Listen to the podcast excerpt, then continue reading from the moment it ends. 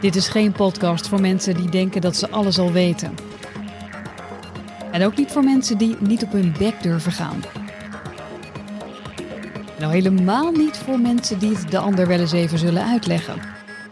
Welkom bij Wicked Sessions, de podcast voor mensen die het gepraat over transformatie wel zat zijn en positief activistisch aan de slag willen met complexe vraagstukken.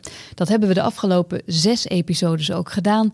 En in deze zevende Arjan gun jij ons het systemisch denken. Waarom? Ja, volgens mij zijn we er eigenlijk al heel lang mee bezig. Hè? We zijn natuurlijk bij aflevering 7 nu. We zouden ook naar een soort zeven grote leiderschapsvraagstukken kijken. Eigenlijk we zijn door zeven lenzen aan het kijken naar het nieuwe innoveren en organiseren. En dat is al een hele gestructureerde aanpak. Het zijn er niet zomaar zeven. Um, en Kijk, we zijn begonnen heel duidelijk met het Future Ready stuk. Hè. Hoe word ik nou klaar voor de toekomst? We hebben natuurlijk heel duidelijk um, um, gekeken naar um, hoe ga ik nou eigenlijk straks om met, uh, met verandering. Dus meer design uh, perspectief. Dus neem ik een actieve positie erin in plaats alles met mij overkomt. We hebben heel erg gekeken naar van oké, we weten niet allemaal waar het heen gaat. Dus we moeten eigenlijk continu leren en proberen, experimenteren. Hebben we heel erg naar gekeken.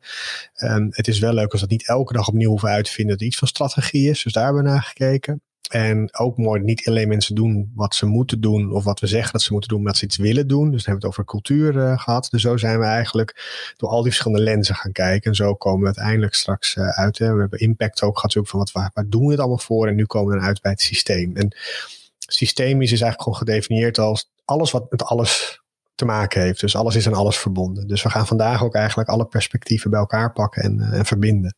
De som der delen. Het is de som der delen, ja. En het leuke is van, uh, mensen zeggen vaak de som der delen is groter. Hè? Dan hebben het vaak over synergie, 1 plus 1 is 3. Ik vind de gestalt gedachte, zoals het mooi heet, de som der delen is anders. Vind ik eigenlijk wat veel leuker. Dus niks in een klok maakt het een klok. Het tandwiel niet, de wijzer niet, uh, niks maakt het een klok. Al helemaal niks maakt het tijd. En voeg je al die dingen bij elkaar, dan heb je plotseling een fenomeen als tijd.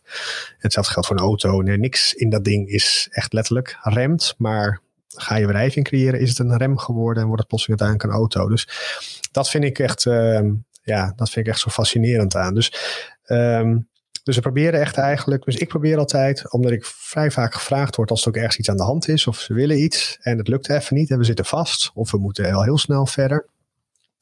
Uh, heb ik geen tijd om uitgebreid in te lezen van hoe werkt een ziekenhuis, hoe werkt een energiecentrale of hoe werkt het publieke uh, domein. En moet eigenlijk vrij snel gewoon mee kunnen draaien. Voor mij helpt het eigenlijk om me dan niet te verliezen in de inhoud, want ik ga er altijd vanuit met elke organisatie die ik werk, dat zij de ervaringsdeskundigen zijn. Zij doen het al tientallen jaren. Dus wat kan ik nog lezen dat ze niet weten?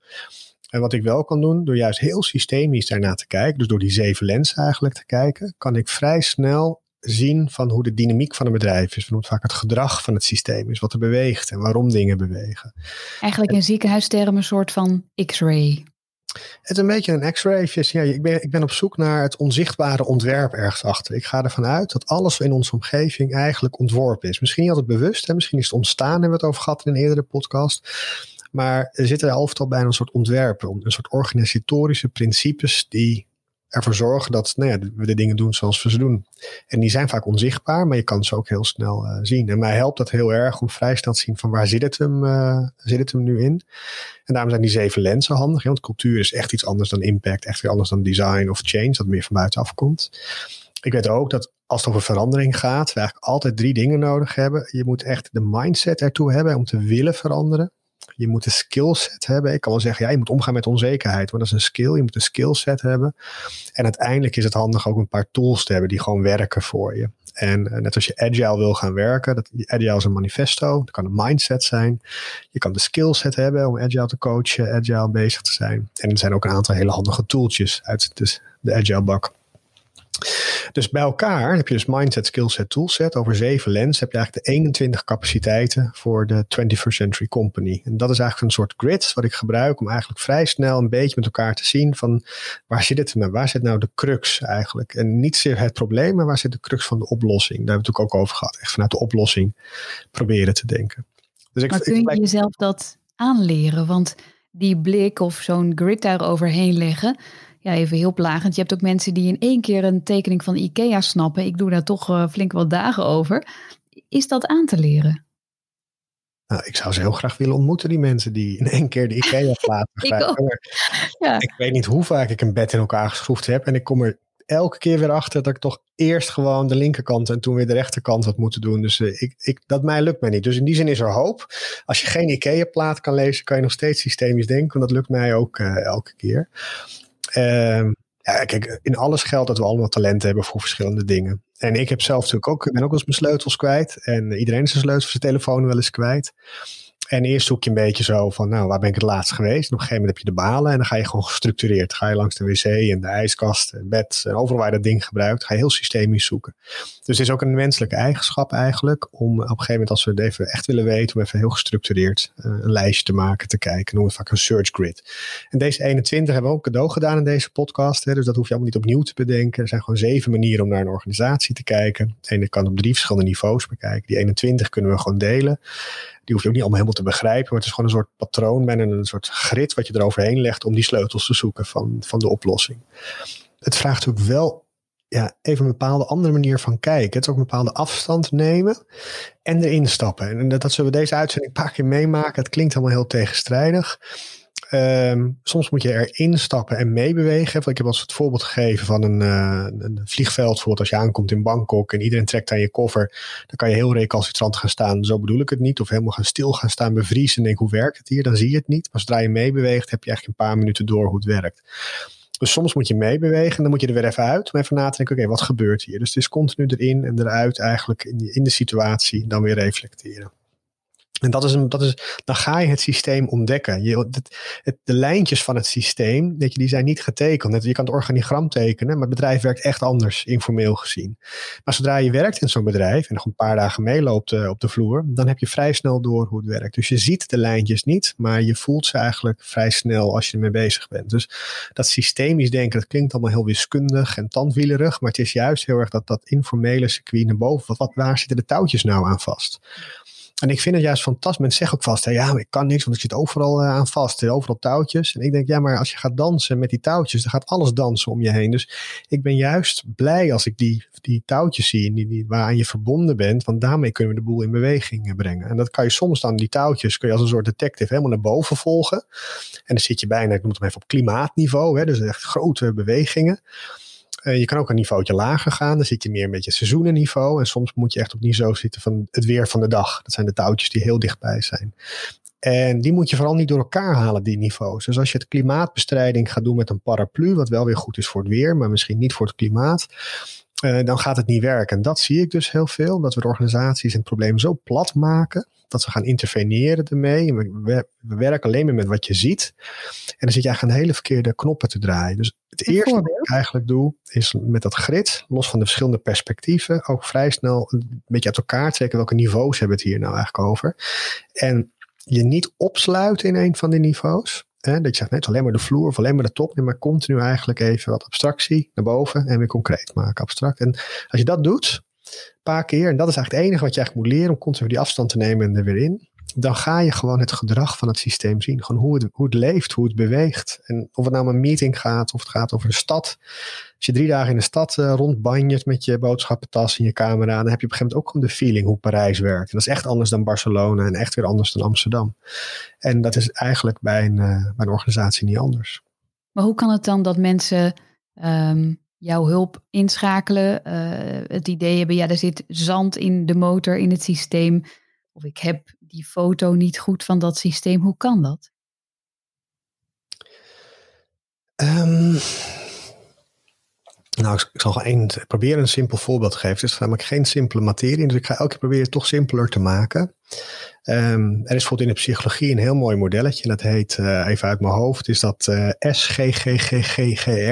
En dat staat eigenlijk voor situatie, gedrag, gevoel, uh, situatie, gedachte, gedrag, gevoel, resultaat of zoiets. Volgende maakt even niet uit, daar kunnen we het een keer over hebben. Maar wat eigenlijk op neerkomt van, um, ik kijk altijd naar het resultaat. Maar het resultaat komt voort eigenlijk uit een bepaald gedrag dat daarvoor zit. En het gedrag komt vaak voort uit een gevoel wat iemand heeft. Heb je er zin in? Ben je recalcitrant? Uh, ben je enthousiast? Dat gedrag komt weer voort uit een bepaalde gedachte die daarvoor zit. En die gedachten die worden vaak bij ons automatisch opgeroepen in ons hoofd door de situatie waarin we verkeren. Nou, dan is het resultaat niet wat we willen. Dan gaan we dus zitten sturen op het resultaat. Dus dan komen de schroevendraaiers erbij en dan gaan we dat resultaat zitten aanpassen. Terwijl je moet eigenlijk een niveau gedrag. Nou, dat vinden we het al vaak heel moeilijk, menselijk gedrag. Dus dat proberen we eigenlijk al over te slaan. Als ik dan zeg, nou we gaan nog een niveautje dieper naar gevoelens, emoties. Dan wordt het nog meer van ja. Eh, en dan zeg je, ja, Lekker. Kijk, kijk, kijk je ingehuurd om even iets te fixen, ja. En uiteindelijk gaat het dus over die gedachten. En hoe komen mensen nou aan die gedachten? En uiteindelijk komen dus uiteindelijk de situatie. En dan wordt het eigenlijk weer plotseling concreet. Dat als je soms de situatie verandert, de context verandert, dan verandert daarmee eigenlijk letterlijk de gedachten, het gevoel, het gedrag en het resultaat. En dat is waarom mensen bij spreken ook soms naar buiten gaan om te meeten, waarom je soms op vakantie anders voelt dan, uh, dan thuis. Je verandert de situatie, komen andere gedachten op, ander gevoel, ander resultaat. Nou, als je daar, dat, is een voorbeeld van een systemische benadering, dat je gewoon heel duidelijk de keten ziet. Alleen het enige wat eigenlijk boven water is, is dat resultaat en misschien de, weet je, de situatie. Je hebt ze alleen nooit in verband gebracht. Dus wat je probeert te doen met dat systemisch denken, is eigenlijk continu die verbanden te gaan zien. Om te kijken, hé, wat gebeurt er nu eigenlijk? En dan is de vervolgvraag natuurlijk van oké, en, en hoe pas je dat dan aan? Maar je moet eerst gewoon zien waar, wat, wat je level of intervention is. Hè? Waar zitten de punten die echt verschil maken?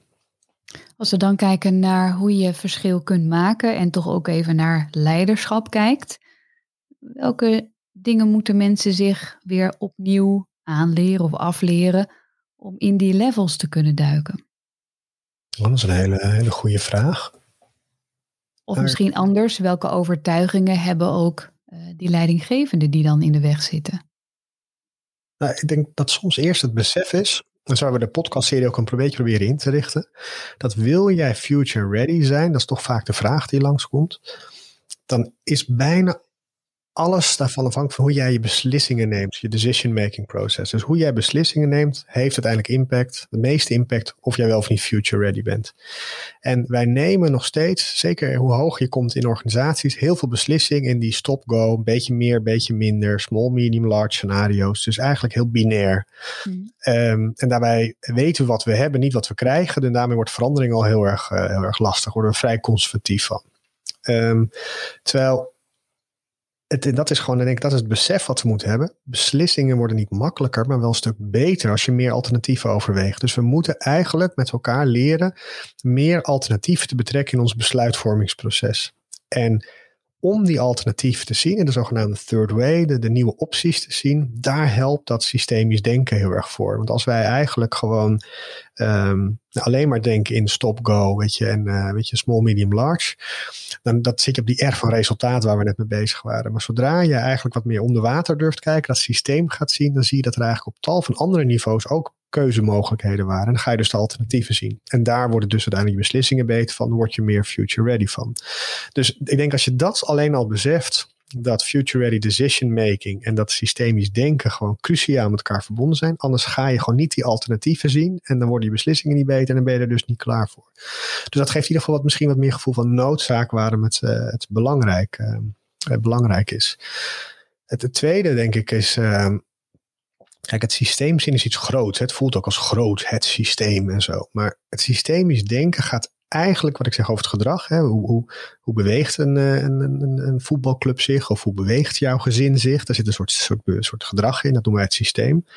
En dat, dat gedrag, dat noemen we vaak ook patronen. Dingen die zich herhalen. Op een gegeven moment, dat is wat je meemaakt. Waarom ik zeg, stap erin. Want op een gegeven moment zie je een herhaling. Ga je patronen zien. En dat is wat we zoeken in dat systeem. Aan de ene kant die grote verbanden waar we het net over gehad hebben, die touwtjes. En aan de andere kant de patronen, dingen die echt met regelmaat gebeuren. Dus bijvoorbeeld Heb je een voorbeeld ook weer? Ja, in een bedrijf zijn bijvoorbeeld meetings, is een van de vaste patronen. Een vrijdagmiddagborrel kan een patroon zijn.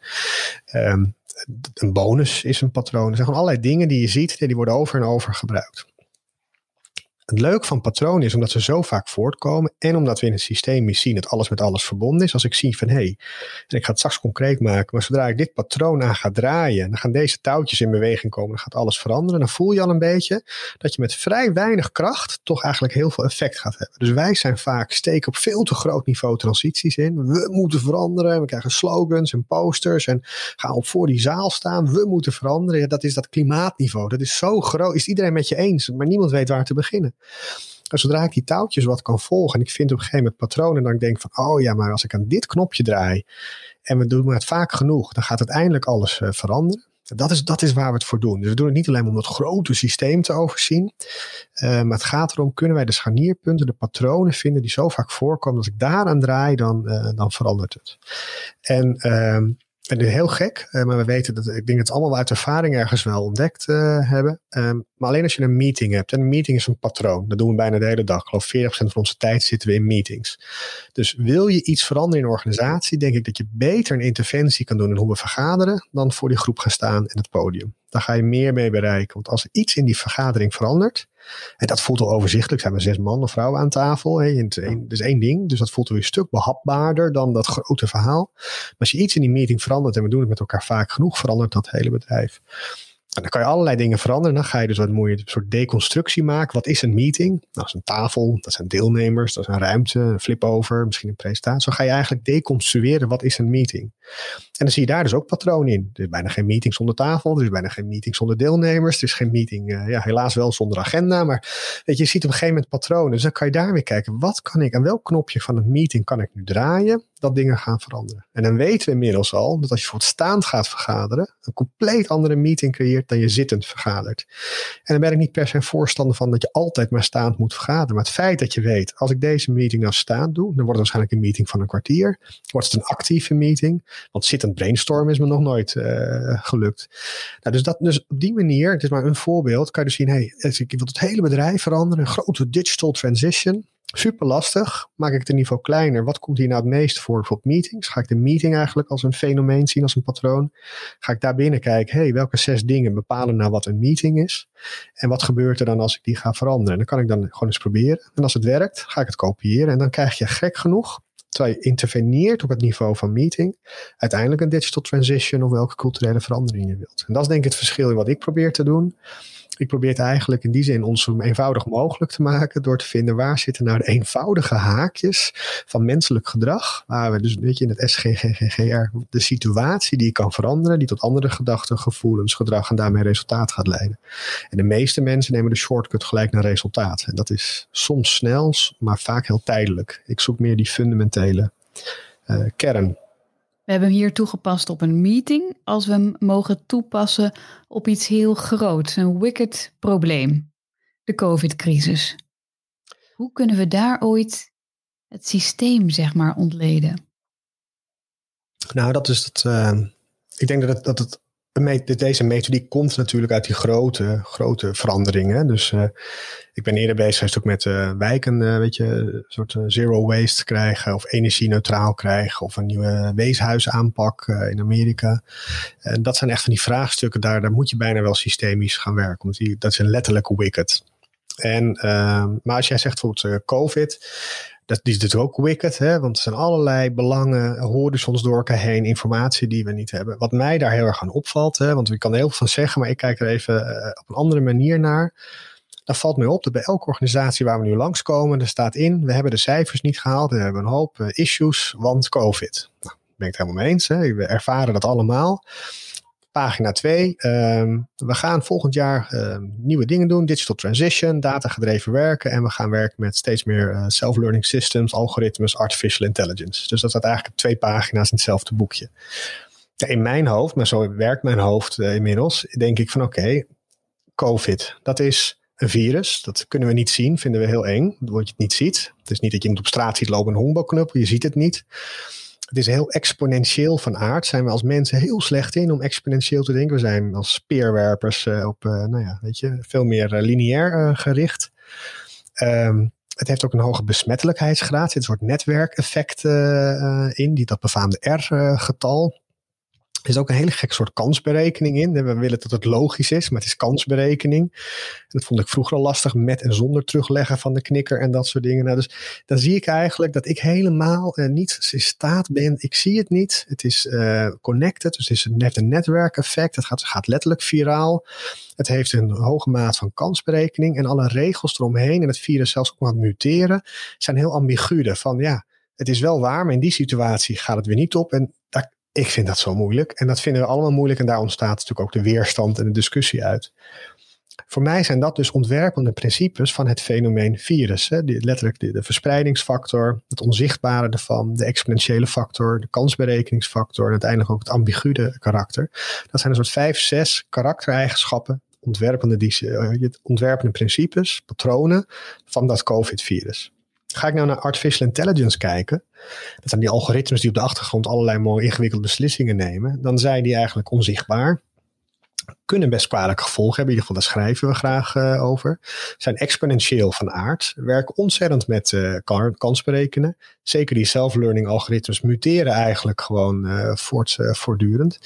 Dus ook daar zie je dat we eigenlijk gewoon uh, dezelfde principes wat zo'n virus in zich heeft, eigenlijk ook bij AI van toepassing zijn. Alleen op de ene pagina zeggen we, het is onze worst nightmare, we zijn eigenlijk totaal hier niet toe in staat om mee om te gaan.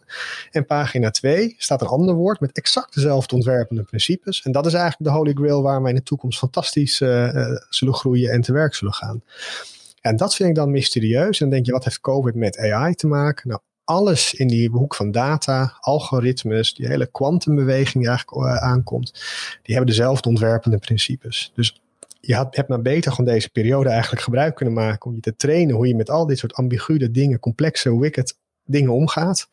Want dat is het soort besluitvorming wat we de komende tien jaar op alle fronten nodig zullen hebben. Dus het, is misschien, het voelt misschien gek, maar zo als je dus door, door die onzichtbare ontwerp gaat, ontwerpen gaat kijken daarachter, dan ga je verbanden zien. Ja, en dat maakt je zoveel sneller. Je hebt zoveel sneller een kapstok om tot de kern uh, te komen. Over tot de kern komen. Uh, we hebben natuurlijk de afgelopen weken veelvuldig uh, in het nieuws kunnen zien hoe zo'n formatie toch best ingewikkeld blijkt. En ik zag op LinkedIn dat jij je afvroeg hoe het toch kwam dat men nog steeds zo lineair noteert en zo ontzettend ouderwets uh, alles in kaart brengt. Als ik dat vergelijk met de tekeningen die jij maakt, welk appel zou je op ze doen? Ja, ik denk dat dat, dat terugkomen op die vraag die je al eerst stelde. Hoe leer je dit nou eigenlijk? Hè? En het, uh, ik denk dat iedereen in staat is om een bepaalde maat van systemisch denken uh, toe te passen. En maar wat voor mij in ieder geval ontzettend helpt, is uh, niet met lijntjes papier bullets maken van links naar boven. Dat zijn echt de befaamde rijtjes. Um, want dat is eigenlijk gewoon herhaling. Ja, dat is, dat is een bepaalde structuur waar je dan in vastzit. Dan ga ik geen verbanden zien. We hebben daar in de podcast over tool culture over gehad. Hè. De echte waarheid zit tussen de slides. Ik merk zelf al, als ik, ga, als ik wil visualiseren. En voor mij is visualiseren gebruik een pijl, een uitroepteken. Dat hoeft niet gelijk hoe compleet uh, weet je, sketches te zijn. Maar gebruik visuele middelen om um, uiteindelijk gewoon de verbanden bloot te leggen. We gaan zo vaak de inhoud letterlijk opschrijven wat jij hebt gezegd. Ja, dat is op zich voor mij niet heel erg uh, interessant. Ik wil eigenlijk de verbanden zien. En dat, dat trof met formatie, hè, waar natuurlijk al die, die dummies plotseling openbaar werden. Dat waren voor mij dan privé aantekeningen. Want ik zeg tegen mensen waar ik mee werk altijd, journaling hè, met een dummywerk, ontzettend belangrijk. Schrijf niet op wat de ander zegt, schrijf op wat jij denkt. Want dat is zo belangrijk op dat moment. Wat zijn jouw inzichten, jouw gevoelens? Wat zijn je observaties? Nou, deze boekjes, en daarom vond ik het ook heel spannend om die boekjes te kunnen bekijken met z'n allen. De inhoud boeide mij in dit geval even niet, maar vooral de vorm. En dan zie je dus dat ze schrijven letterlijk op als een geheugensteun wat de ander zegt. Terwijl het doel van een formatie of een verkenning is op zoek gaan naar verbanden. Dus dat valt mij dan op. Nou, in dat hele SGGGR-model denken, eigenlijk dat systemisch denken, denk ik, welke interventie kan je nou eigenlijk doen? Dus soms is dat letterlijk je schrijfgerij. Hè? Dus weet je, als je met een vulpen werkt, wordt vaak gewoon uh, te illustreren al veel moeilijker. Dus soms kan je gewoon met een ander materiaal werken. Maar ik zeg tegen de meesten, sla je dummy gewoon een kwartslag. Weet je, dus ga niet portrait werken, bestaand, maar landscape. Hè? Dat, grappig genoeg zijn we als kind al getraind. Er is ook geen kind wat een papiertje rechtstaand oplegt. En iedereen doet landscape. Uh, dus, dus er zit, er zit erin geformateerd eigenlijk sinds onze jeugd. En dat, dat zal je merken zelf ook. Zodra je eigenlijk je boekje een kwartslag draait en je hebt een landscape. En dan zijn die lijntjes plotseling even niet meer van toepassing. Dan begin je eigenlijk de vrijheid te voelen om. En dan ga je als eerste iets in het midden zetten en een cirkel eromheen. Lijntjes nu meteen. En um, ja, en dat is, dat is letterlijk een voorbeeld van welke minimale interventie kan, doen, kan jij doen om het gedrag bij jezelf uit te lokken, dat tot ander resultaat uh, leidt. Dus dat is letterlijk een voorbeeld. Maar dat visualiseren is een hele krachtige tool om te gebruiken. En soms is dat letterlijk, hè, dus tekenen noem ik even, schetsen, pijlen, cirkels, dingen in verband trekken. Maar ik doe ook vaak een oefening als ik eh, met organisaties bezig ben. Het gaat op zoek zijn op zoek naar de kern. Een soort eliminatie, dus deconstructie van wat moeten we nou weghalen hier, dat dit bedrijf niet meer dit bedrijf is. Wat als we nou sales wegdoen, of we doen uh, weet je, de IT weg, of we doen kantoor weg, of we hebben allemaal geen auto meer. Je gaat eigenlijk continu spullen elimineren uh, tot op zoek naar de kern. Dat iemand zegt, ja, daar mag je niet aankomen. Het grappige is dat unaniem zo'n groep bijna altijd aanvoelt. met daar, dat, is echt, dat zijn echt onze roots of zoiets. En, het leuke is dat bijna iedereen zich dat kan voorstellen. Ook als we in een restaurant zitten en ik uh, doe die oefening en ik zeg, nou, we zitten hier in een Italiaans restaurant.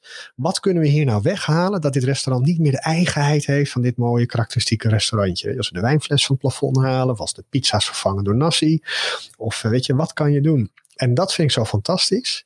Dat als ik iets weghaal, het is allemaal gewoon in, in ons hoofd. Dat bijna iedereen zich gelijk kan voorstellen wanneer nou het karakter van die, uh, die in dit geval het restaurant verandert. Dus um, dat systemisch denken zit ergens ook gewoon heel erg rooted in ons. Het is alleen dat je jezelf even een soort opdracht moet geven. In dit geval maak het steeds kleiner. Het kan ook maken het steeds groter. Of, of eh, weet je, draait een kwartslag. Dus systemisch denken gaat mij continu eigenlijk een soort jezelf een obstakel geven, een kleine verstoring geven. En dan aanvoelen, hé, hey, welke touwtjes gaan nu anders? Welke, welke verbanden zitten hier? En als je die hebt, dan moet je net als een detective met zo'n rode streep op, het, uh, weet je, op de muur altijd in films. Ga je die verbanden volgen tot je ergens de kern hebt.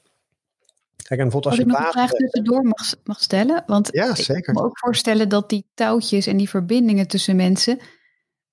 Ja, als ik dat zo visualiseer in, in nou ja, de worst case variant... Um, is dat die lijntjes vooral bezet zijn met niet per se hele functionele zaken. Dus alle CC Outlook terreur zit ook op die lijntjes.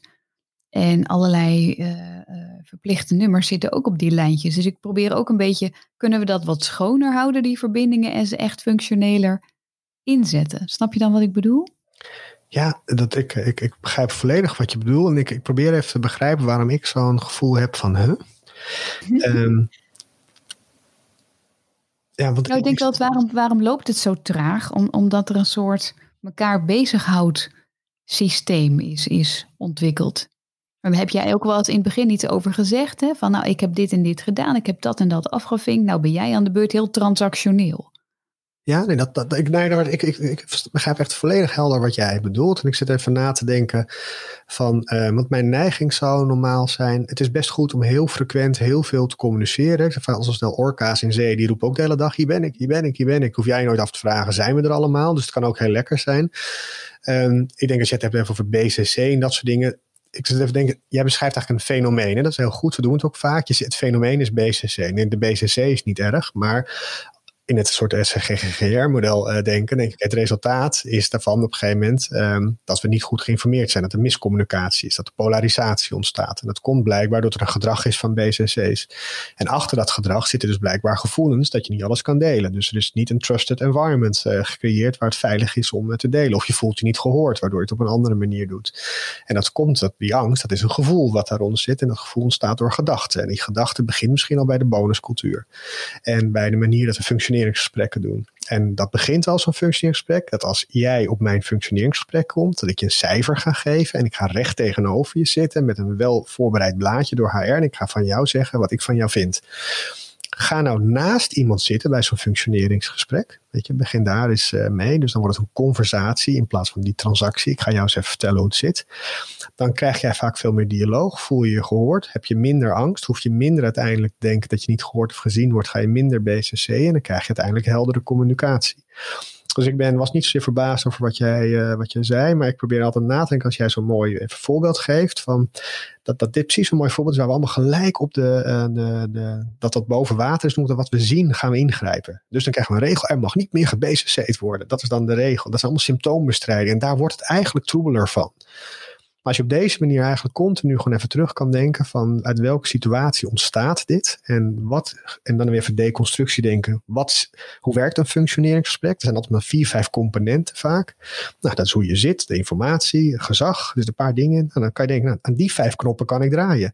Maar het gaat wel keer honderd medewerkers. Dus doe je dat straks allemaal anders, door alleen maar anders te gaan zitten dan zal je echt merken dat er een andere sfeer ontstaat, een ander gevoel ontstaat, op een andere manier over jou gesproken wordt, met elkaar wordt gesproken over dit proces. Ja, en dat is dat, dat de, Elon Musk noemt dat ook een soort first principle denken. Dat is het enige wat hij wil. Hij wil continu alles weten. Wat is de first, het meest elementaire deeltje wat waar is. En dat je daaraan gaat zitten draaien. Daar is hij continu naar, uh, naar op zoek. Maar dat is een methode waar je gewoon even eerst even probeert te begrijpen wat speelt hier nou. En dan probeer tot de, door een wijde blik tot de kern van de zaak te komen. Ja, en dan gaan er echt dingen veranderen. Maar, maar waar heeft hij dan op gehandeld door dat principe? Um, nou, dat, dat, ik zijn een heleboel mooie voorbeelden van. Hè, maar dat, uh, kijk, die raket die hij wil bouwen, dat werkt niet echt. Want dat ding is gewoon veel te zwaar. En als hij zwaar is, moet er gewoon meer vloei, weet het, uh, brandstof in. Maar brandstof weegt weer heel veel, dus wordt het ding weer zwaarder. Dan moet die raket weer groter. Nou, dat is dan een bepaalde formule, hoe je een soort escape velocity ongeveer, hoe je van die aarde loskomt. Dan moet je een monster van een ding uh, bouwen. En uh, dus, dus zo gaat hij op een gegeven moment denken, oké, wat is de first principle? Dat is dat escape velocity ding. En dan gaat hij denken, dat, dat is gewoon op een gegeven moment een wedstrijd die niet te winnen is. Zeker als je naar Mars wil. Dan wordt het ding zo monsterlijk groot zijn. Dus dacht hij van nou als ik nou een vliegtuig pak, en ik laat dat ding eigenlijk van een vliegtuig vallen, dan zit je eigenlijk al een stuk van de, van de aarde vandaan. Dan krijg ik eigenlijk een hele andere formule. Dan gaat die anders. Dan is bijna de, dan moet de snelheid van het vallen het eigenlijk alleen maar gecompenseerd worden in de ijle lucht. Nou, zo gaat hij op een gegeven moment dus echt nadenken van op zoek naar een oplossing van waar zit nou de kern? Moet ik naar materiaal, moet ik naar brandstof of moet ik misschien gewoon niet op, op nul, maar op eh, weet je, 3000 eh, meter hoogte lanceren? Nou, hetzelfde doet hij natuurlijk met waarom is commerciële uh, spaceflight gewoon niet betaalbaar, omdat we gewoon zoveel spullen moeten weggooien. En daarom is hij zo bezig met die dingen die zelf kunnen landen. Dus niet alleen maar een soort ja, jongensdroom, neem ik aan. Het is ook omdat gewoon als hij de first principle daar right krijgt, dat, dat dat materiaal eigenlijk herbruikbaar is, ja, dan kan je eigenlijk een continue pendeldienst bouwen. Dus hij is heel erg bekend en ik wil zeg, niet zeggen dat hij daarmee alles goed doet, maar het is gewoon zijn manier, is van continu doorvragen eigenlijk van wat is de first principle. Zo ook met de batteries van de Tesla's, gewoon continu nadenken, wat is hier het meest elementaire deeltje. En ik bied het meer aan als één van de zeven perspectieven. Je kan het ook helemaal op andersom doen. Dan ga je meer denken vanuit purpose. Je kan het ook helemaal doen vanuit visie. Of helemaal vanuit, weet je, vanuit de experimenten denken, wat meer de Facebook aanpak is. Of de, de Purpose van Patagonia. Je hebt allemaal verschillende manieren om dit te doen. Dit is er eentje van. En toevallig is hij daar een, een, een voorbeeld van. Wat kunnen mensen als eerste oefening al doen vanaf morgen om dat systeem te gaan uitpluizen? Nou, ik denk dat die twee oefeningen die ik beschreven heb, die kunnen we in ieder geval oppakken. Hè? Dus uh, plot het is, map het is, gewoon teken het is. Dat is eigenlijk uh, één.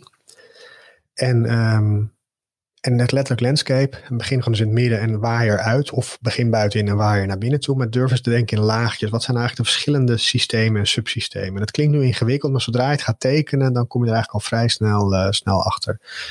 En uh, dan ga je gewoon brainstormen, allemaal dingen erbij zetten. En dan ga je langzaam dingen eens weghalen. Dus ga je op zoek naar die, uh, naar die kern. Dat zijn eigenlijk al, denk ik, hele belangrijke um, en dingen. Dus dat mapping, we noemen dat dan deconstructie, heb ik net zei bij de meeting. Dat zijn maar vijf dingen die een meeting maken. Dat zijn maar vijf dingen die een functioneringsgesprek maken. Dus op een gegeven moment ga je echt kijken, wat zijn hier de elementen?